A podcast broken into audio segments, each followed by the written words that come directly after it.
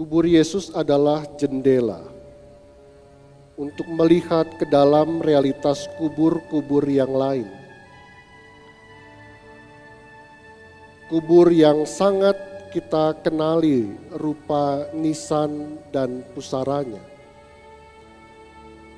Kubur yang sering kita kunjungi dan taburi. Atau kubur yang sesekali saja kita datangi. Mungkin juga kubur yang tak sempat kita ketahui. Kubur Yesus adalah pintu untuk memasuki pengalaman-pengalaman kehilangan, duka, dan hal-hal yang tak terselesaikan.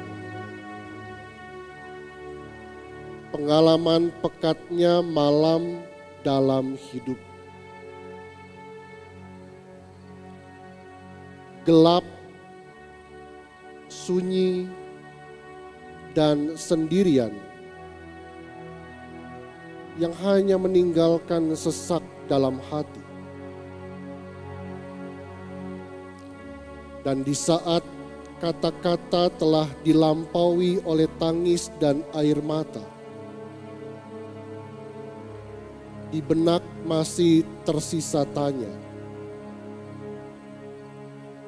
"Mengapa engkau meninggalkan aku?"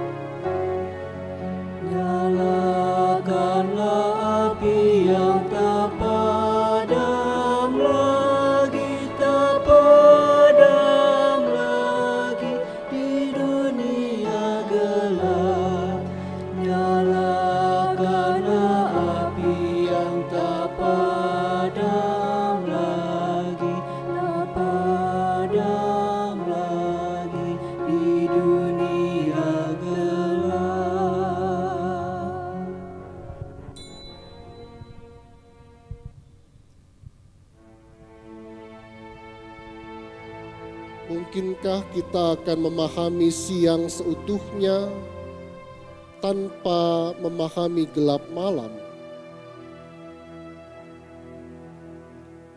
Hampir serupa dengan saat kita mencicipi rasa manis, selain kita merasakan pahit. Sama seperti ketika kita mengerti dan semakin menghargai arti sehat setelah kita pernah mengalami betapa sengsaranya sakit.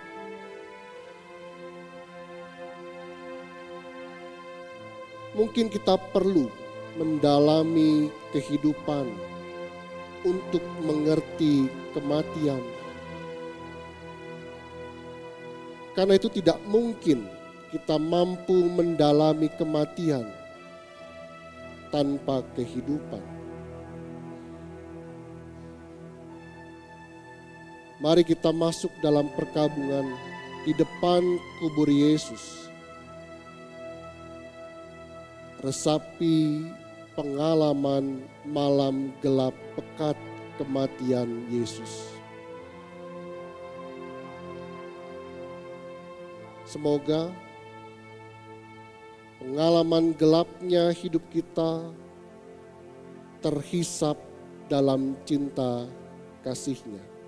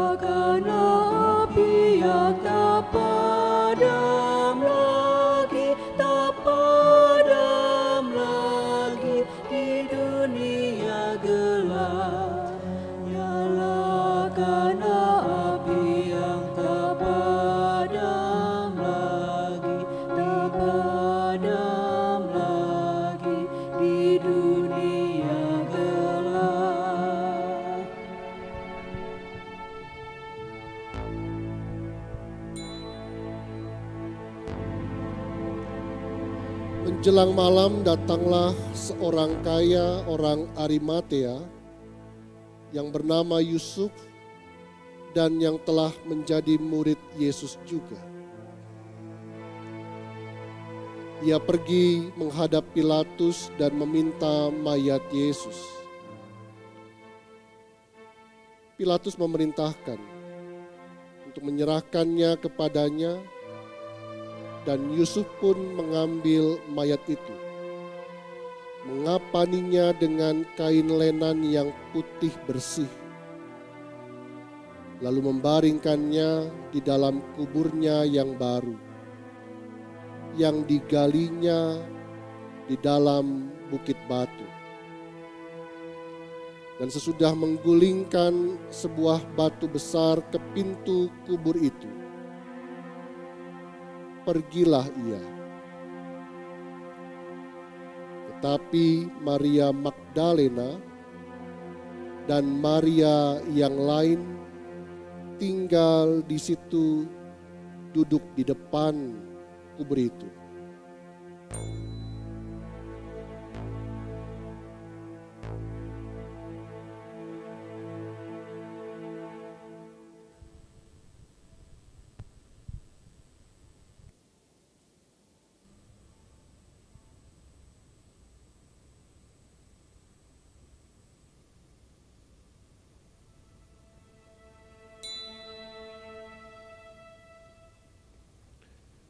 Depan kubur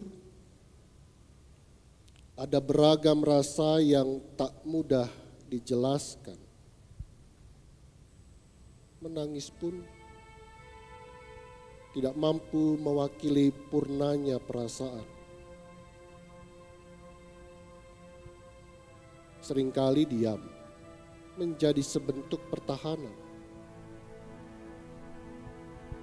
Meski harus menyangkali sesaknya hati insan.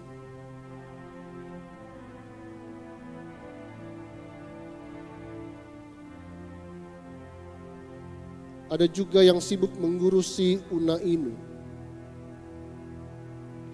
Sesibuk apa pun pemakaman, tidak membuat badannya linu. Karena hatinya yang jauh lebih remuk redam. jiwanya meratap tapi dipendam.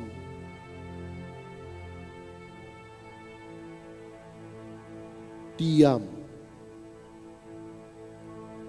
Sekadar menatap sunyi. Diri ini hanya butuh melihat kenyataan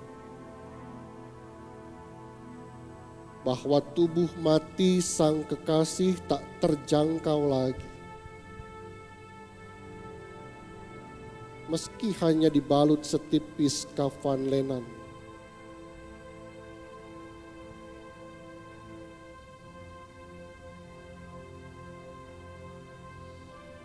Tak mudah bagi Maria dan para murid mencerna kematian Yesus. Meskipun berulang-ulang kali ia mewartakan waktu kematiannya yang mendekat.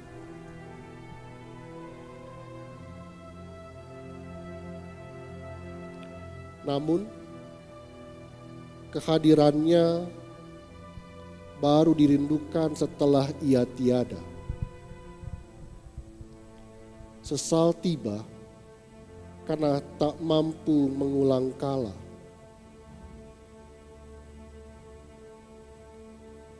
Di depan kubur, tanya mereka dalam hati, bisakah kita hidup tanpa Tuhan? Betapa mengangaknya luka kehilangan mereka Mungkinkah rasa duka terobati?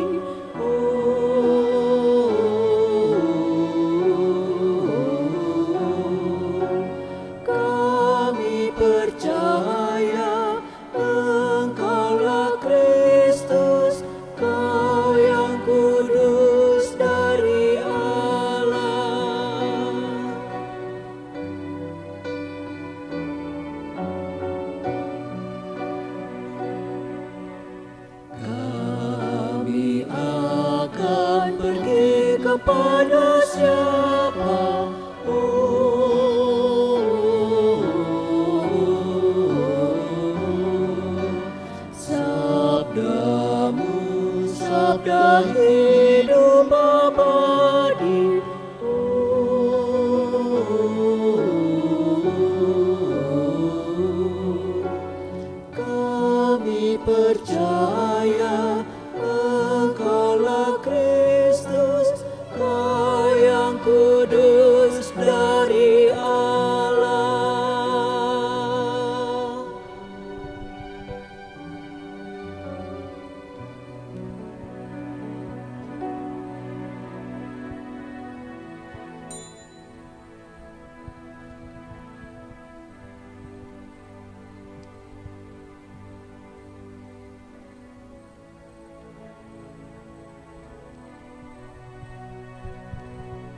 Manusia yang lahir dari perempuan singkat umurnya dan penuh kegelisahan. Seperti bunga ia berkembang lalu layu. Seperti bayang-bayang ia hilang lenyap dan tak dapat bertahan.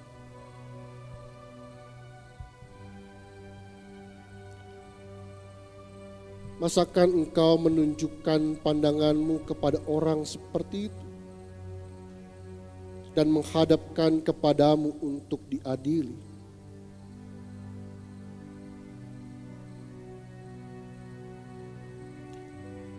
Siapa dapat mendatangkan yang tahir dari yang najis?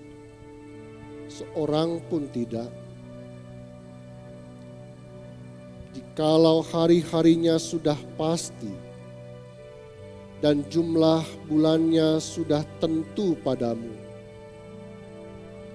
dan batas-batasnya sudah kau tetapkan, sehingga tidak dapat dilangkahinya. Hendaklah kau alihkan pandanganmu daripadanya, agar ia beristirahat sehingga ia seperti orang upahan dapat menikmati harinya.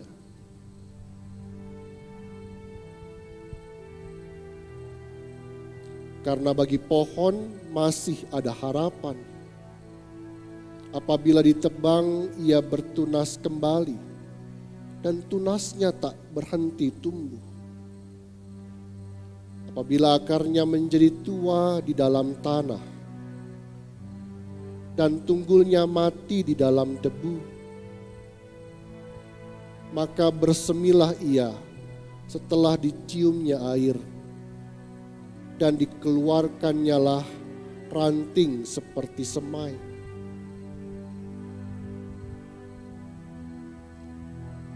Tetapi bila manusia mati,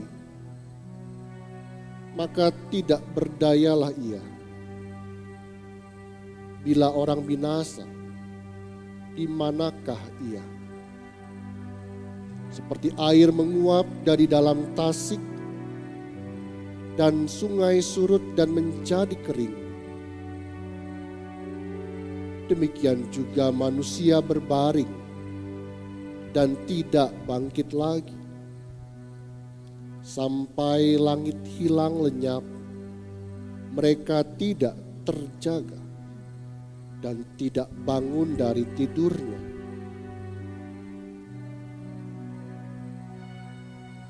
Ah, kiranya engkau menyembunyikan aku di dalam dunia orang mati, melindungi aku sampai murkamu surut,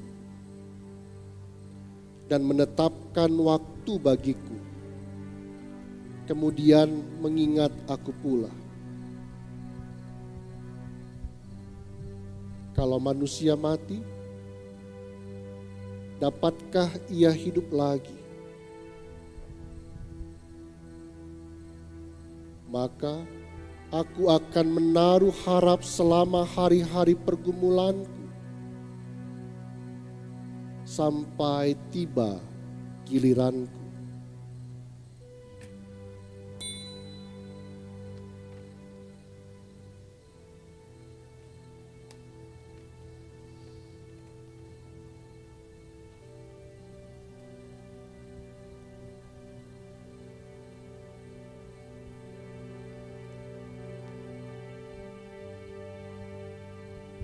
Di depan kubur Yesus dan di depan kubur-kubur yang lain.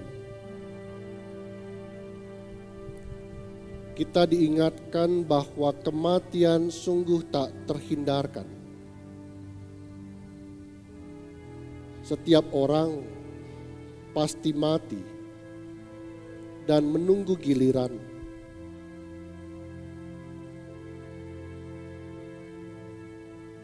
Meskipun manusia niscaya mati.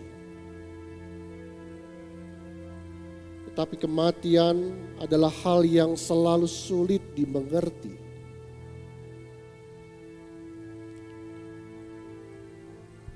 tentu tak dimengerti oleh kita yang masih hidup.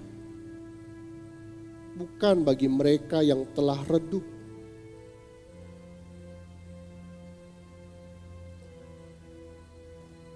Tangisan adalah tanda ketidakmengertian kita. Tetapi kesesakan adalah bukti ketidakterimaan kita. Kematian sang kekasih-kekasih menciptakan perih-perih.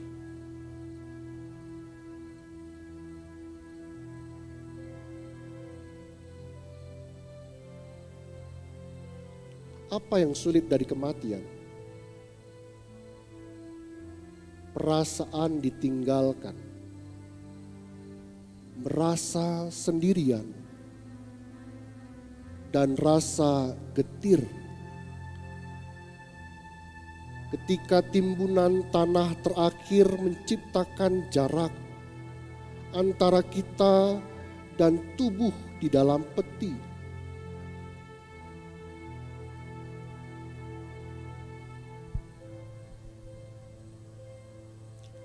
jarak yang tak pernah dipertemukan lagi, berhari-hari ke depan.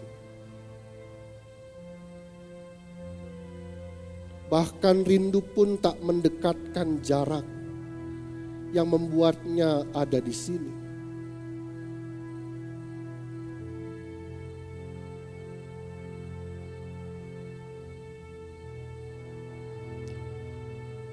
Kematian memang selalu menginterupsi Ketika itu terjadi, maka kita disela dan diputus dari jalinan relasi hidup.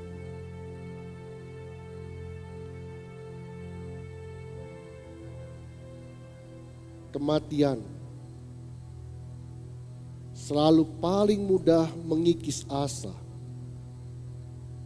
sampai kita putus asa.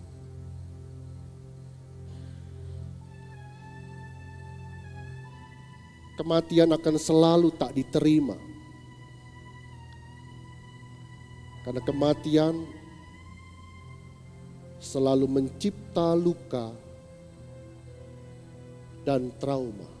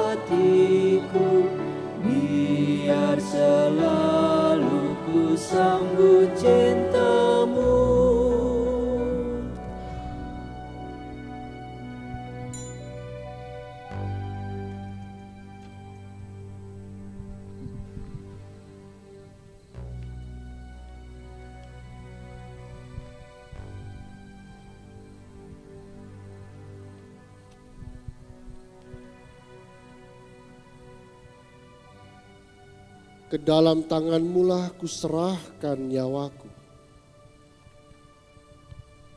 Engkau membebaskan aku ya Tuhan Allah yang setia.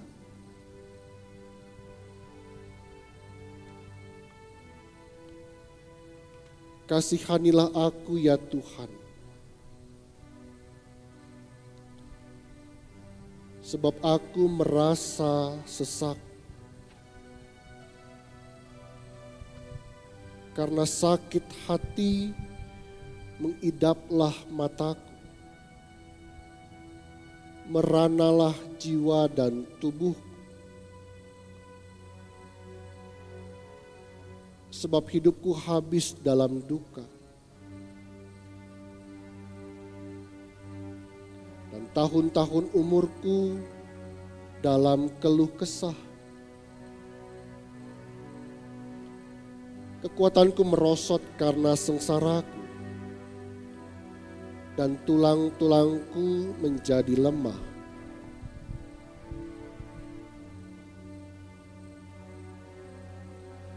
Aku telah hilang dari ingatan seperti orang mati.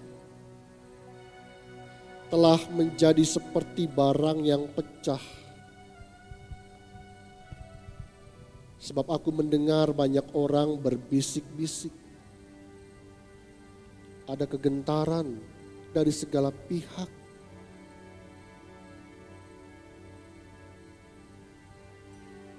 Mereka bersama-sama bermufakat mencelakakan aku. Mereka bermaksud mencabut nyawaku.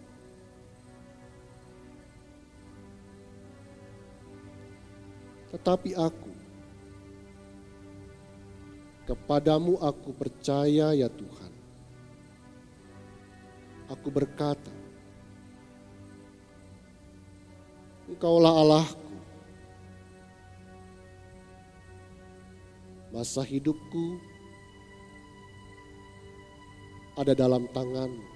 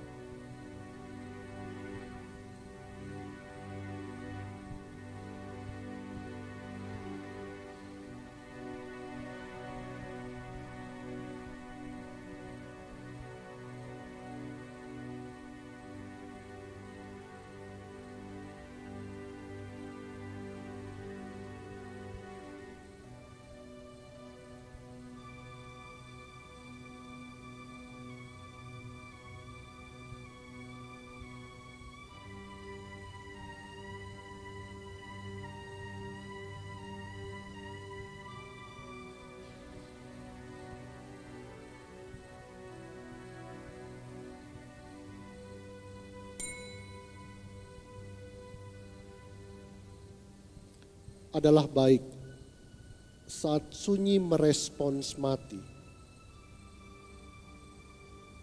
Sunyi mempersilahkan kita untuk menerima kematian sebagai pengalaman tubuh.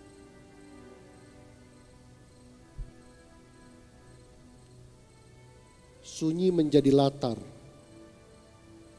bagi sesak tak bersuara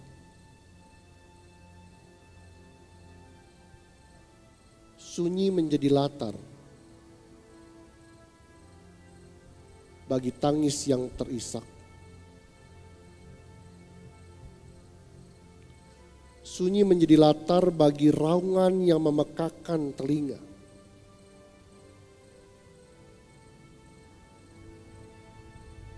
Sunyi menjadi latar bagi pertanyaan-pertanyaan yang belum terjawab.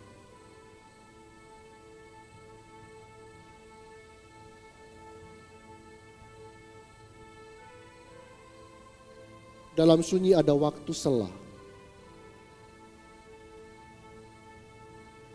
Bukan untuk marah, tetapi merendah. Bukan untuk memutus, melainkan menjalin.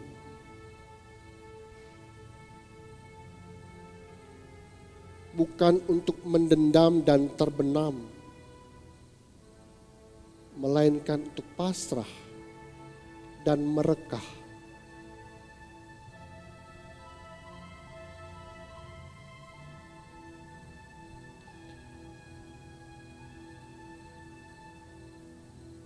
Karena dalam sunyi ada Kristus yang merengkuh kesunyian dalam kubur.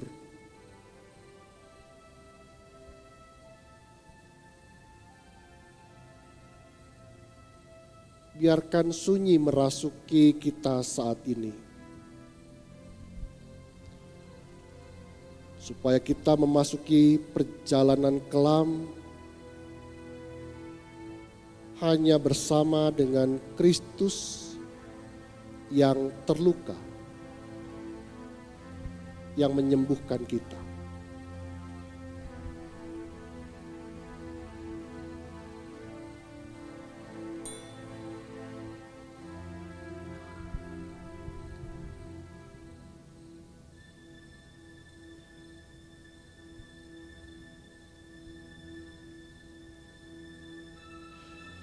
Jadi karena Kristus telah menderita penderitaan badani, kamu pun harus juga mempersenjatai dirimu dengan pikiran yang demikian.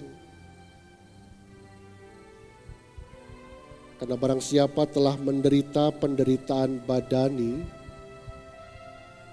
ia telah berhenti berbuat dosa supaya waktu yang sisa jangan kamu pergunakan menurut keinginan manusia, tetapi menurut kehendak Allah.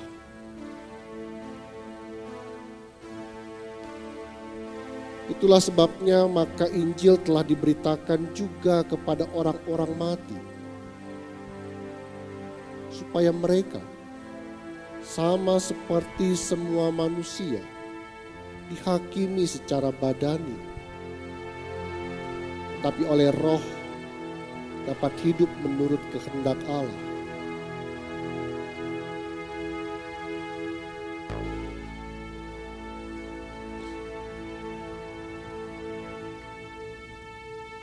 Kesudahan segala sesuatu sudah dekat.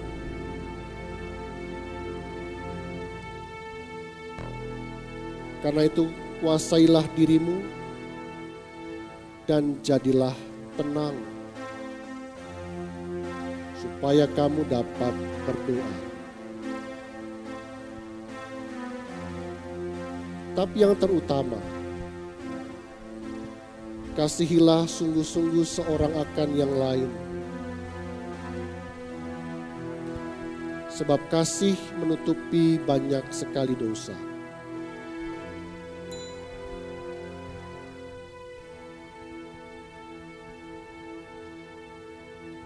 Saat ini kita hening tanpa musik.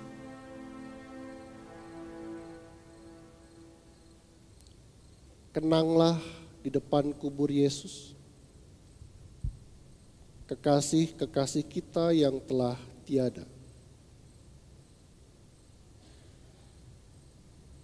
Mungkin dalam sunyi kita akan berdamai dengan kematian-kematian yang belum terselesaikan.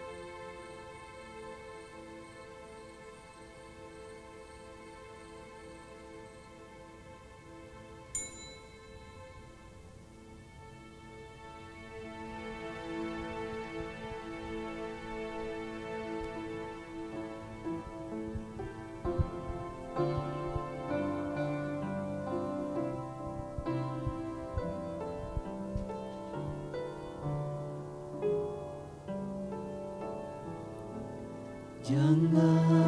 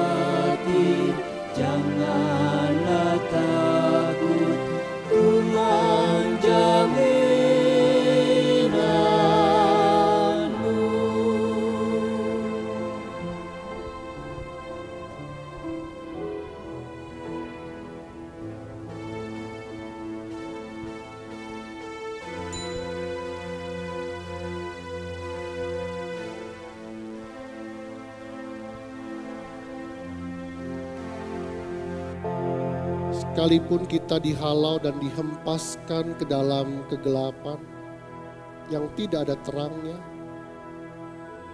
seperti orang yang sudah lama mati. Sekalipun kita dikelilingi kesusahan dan kesedihan yang menutupi segala jalan keluar bagi kita, sekalipun kepahitan menyebabkan kita lupa akan kebahagiaan. Dan walaupun kematian kekasih-kekasih kita menimbulkan rasa pedih sewaktu-waktu, tapi hal inilah yang kita perhatikan. Tuhan baik kepada orang yang berharap kepadanya dan kepada orang yang mencari Dia. Jadi, baiklah kita menunggu dengan tenang sampai Tuhan datang memberi pertolongan.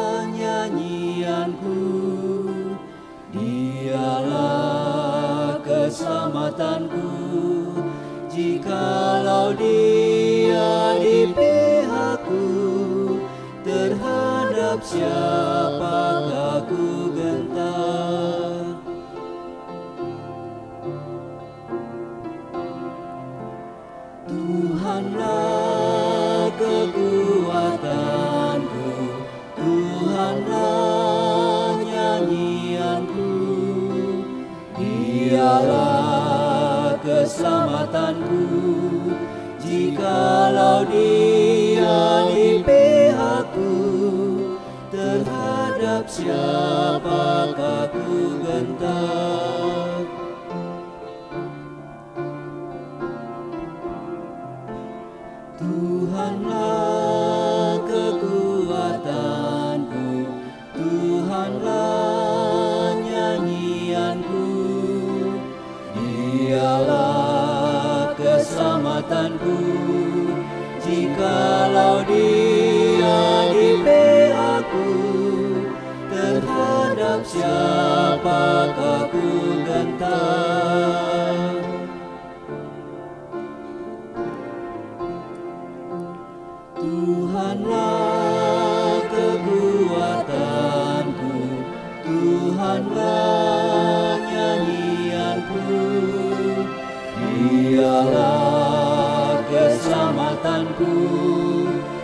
Jikalau dia di pihakku Terhadap siapakah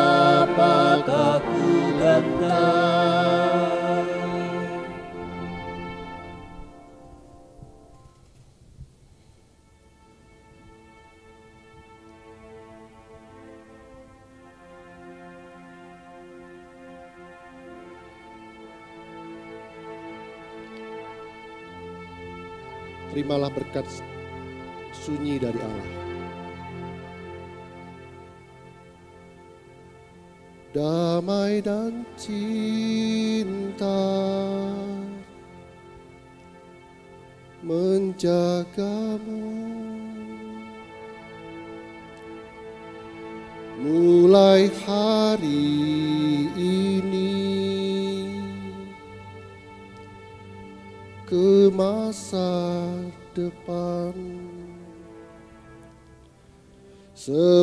seperti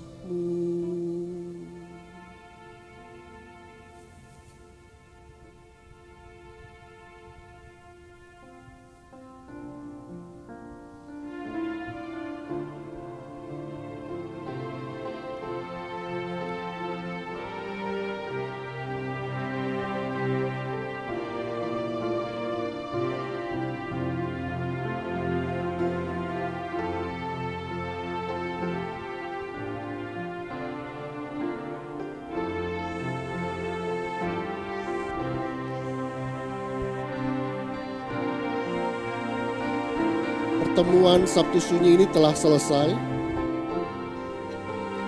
Tapi Bapak Ibu bisa dipersilahkan agar tetap berdoa atau ingin undur diri, tetap menjaga ketenangan. Biarlah sunyi itu menjadi bagian dari kehidupan kita sejak hari ini untuk menyongsong esok Tuhan yang bangkit hari baik.